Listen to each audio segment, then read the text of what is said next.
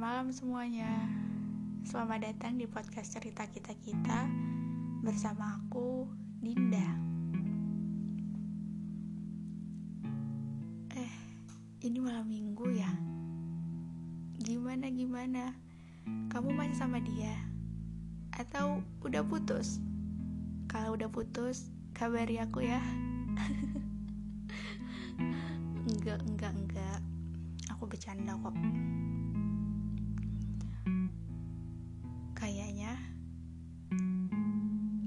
Cinta tuh masa paling indah kan ya?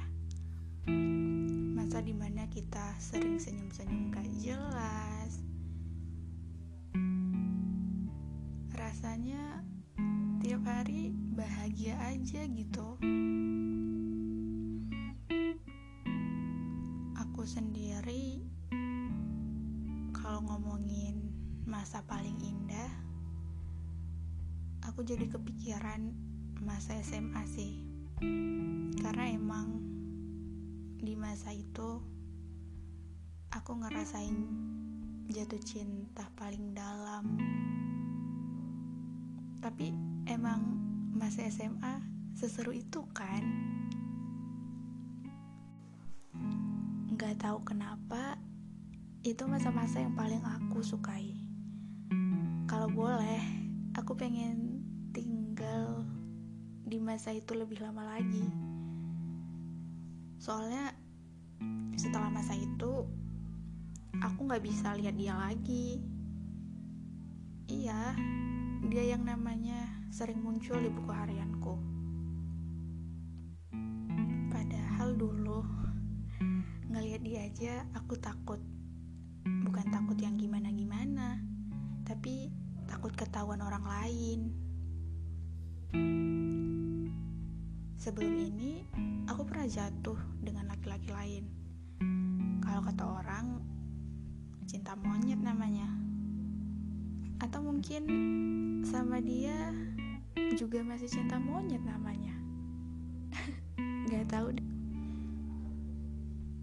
Hmm, tapi emang aku nggak pernah jatuh sedalam ini sebelumnya. Jatuh cinta sama dia rasanya beda. Jatuh cinta sama dia bikin aku ngerti bagaimana jadi bodoh. Astaga. Iya bodoh. Orang bodoh paling bahagia. Jatuh sama dia bikin aku melakukan banyak hal bodoh. Yang kalau aku inget-inget lagi duh bodoh banget sih aku. Jadi waktu itu ceritanya acara pramuka gitu. Dan dalam acara itu ada beberapa lomba yang pada saat itu regu aku kebetulan memenangkan beberapa cabang lomba hadiahnya makanan. Aku inget banget itu permen milk kita rasa stroberi. Kalian pasti tahu dong kita yang um, yang ada gagangnya itu. Terus gimana ceritanya? Aku nggak sengaja lihat tanggal kadaluarsanya dibungkus permen itu. Dan lanjutnya kalian pasti nggak bakal mikir aku bakal lakuin ini sih. But I did. Ya ampun. Tanggal kadaluarsa bertepatan sama lahir dia. Bener-bener sama tanggal dan ya dengarannya mungkin aneh tapi ya aku ngumpulin setiap bungkus permen itu dari teman-temanku aku selalu ngingetin mereka untuk nggak buang bungkus permen itu. Terus setelah aku kumpulin aku cuci terus aku gunting tanggal kadaluarsanya terus aku susun semuanya di atas kertas ngebentuk huruf HBD gitu. Aneh banget kan? Ya ampun. Iya emang aneh banget aku tuh aku juga sebenarnya nulis surat ucapan ulang tahun untuk dia.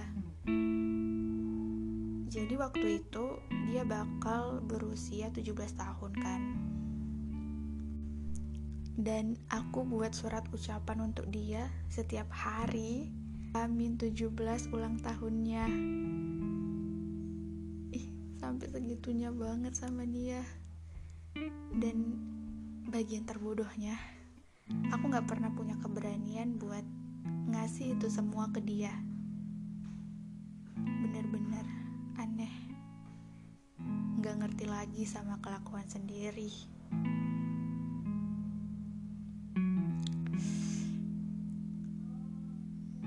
Tapi emang gitu, kalau jatuh cinta, aku gak pernah pengen siapa pun tahu, termasuk dia. Kalau bisa cukup aku sama semesta aja yang tahu.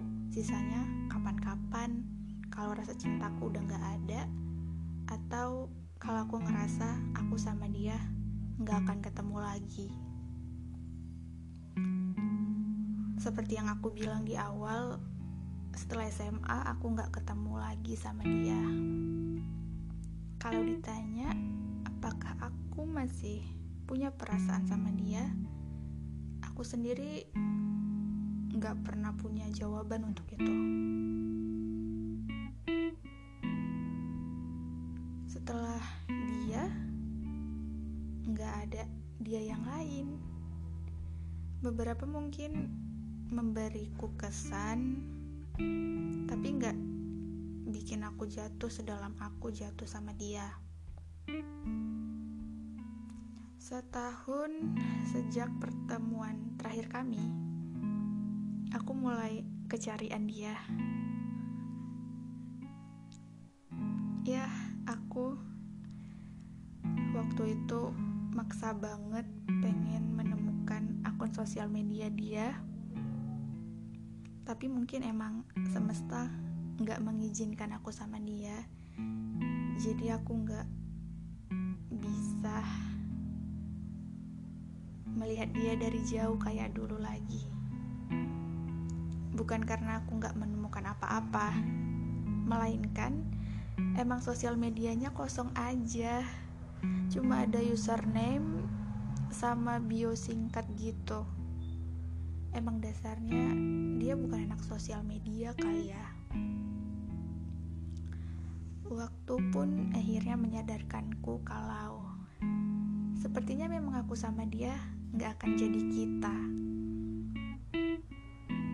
Aku pun udah berani cerita tentang dia ke orang lain, kayak sekarang ini. Meskipun akhir ceritanya nggak seperti yang aku inginkan, tapi aku berterima kasih kepada semesta yang mengenalkan dia ke aku, mengenalkan dia ke hidupku. Setidaknya aku mendapatkan pengalaman hebat. Enggak sih, lebih tepatnya pengalaman jadi bodoh. Karena jatuh cinta sedalam itu sama dia. Saat ini mungkin aku cuma berharap semesta mempertemukanku dengan orang yang tepat di waktu yang tepat pula.